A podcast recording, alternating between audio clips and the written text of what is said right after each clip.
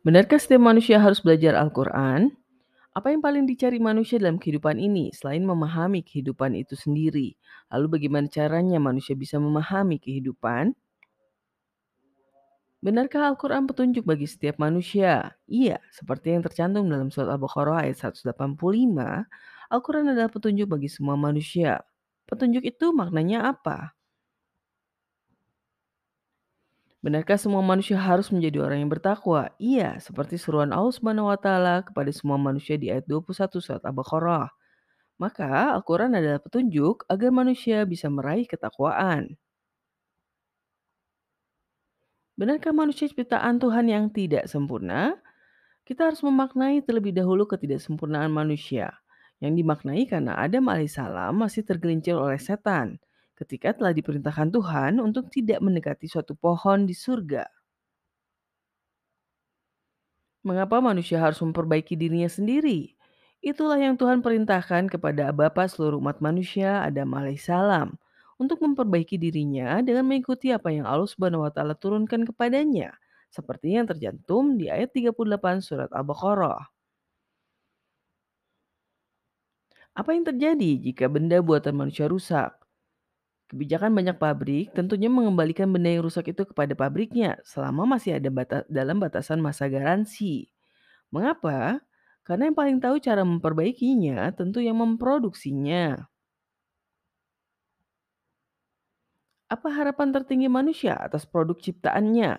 Iya, manusia tentu akan terus berusaha menciptakan robot atau produk yang bisa memperbaiki dirinya sendiri. Karena manusia menyadari kerepotan yang mereka bisa sangat berkurang jika produk ciptaan mereka bisa memperbaiki dirinya sendiri.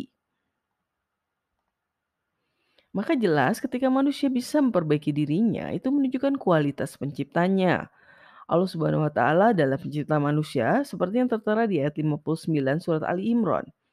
Kehebatan Allah Subhanahu wa taala karena bisa menciptakan makhluk yang bisa memperbaiki dirinya sendiri tidak akan tergantikan. Benarkah manusia bisa mengupgrade dirinya hanya dengan Al-Quran? Tuhan telah menegaskan bahwa Al-Quran adalah petunjuk bagi manusia untuk meraih ketakwaan. Kita harus memahami ketidaksempurnaan manusia bukan pada fisiknya, tapi lebih kepada jiwanya. Siapa yang lebih mengenal manusia? Seperti saat membahas barang rusak yang akan kita kembalikan pada pabrik yang memproduksinya, maka kita, semua setuju bahwa yang paling mengenal kita adalah Tuhan yang telah menciptakan manusia, Allah Subhanahu wa taala. Ataukah kita mencari jalan hidup lain selain Al-Quran? Apakah jalan hidup lain bisa memberikan ketenangan dan kebebasan dari ketakutan seperti Al-Quran? Padahal hal pertama yang kali yang Tuhan tawarkan kepada petunjuknya kepada Adam alaihissalam adalah ketenangan dan kebebasan dari ketakutan. Apakah kita tidak merasa cukup dibimbing langsung oleh Tuhan? Bukankah Al-Quran adalah kalam Allah Subhanahu wa Ta'ala, perkataan Tuhan yang menciptakan kita? Dia berkata langsung pada semua manusia hanya melalui Al-Quran.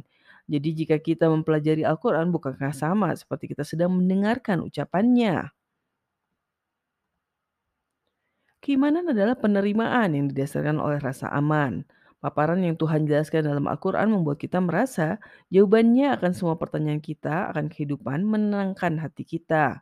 Maka kita sukarela menerima jawabannya. Kekafiran adalah penolakan dan kefasikan adalah keraguan yang dipelihara.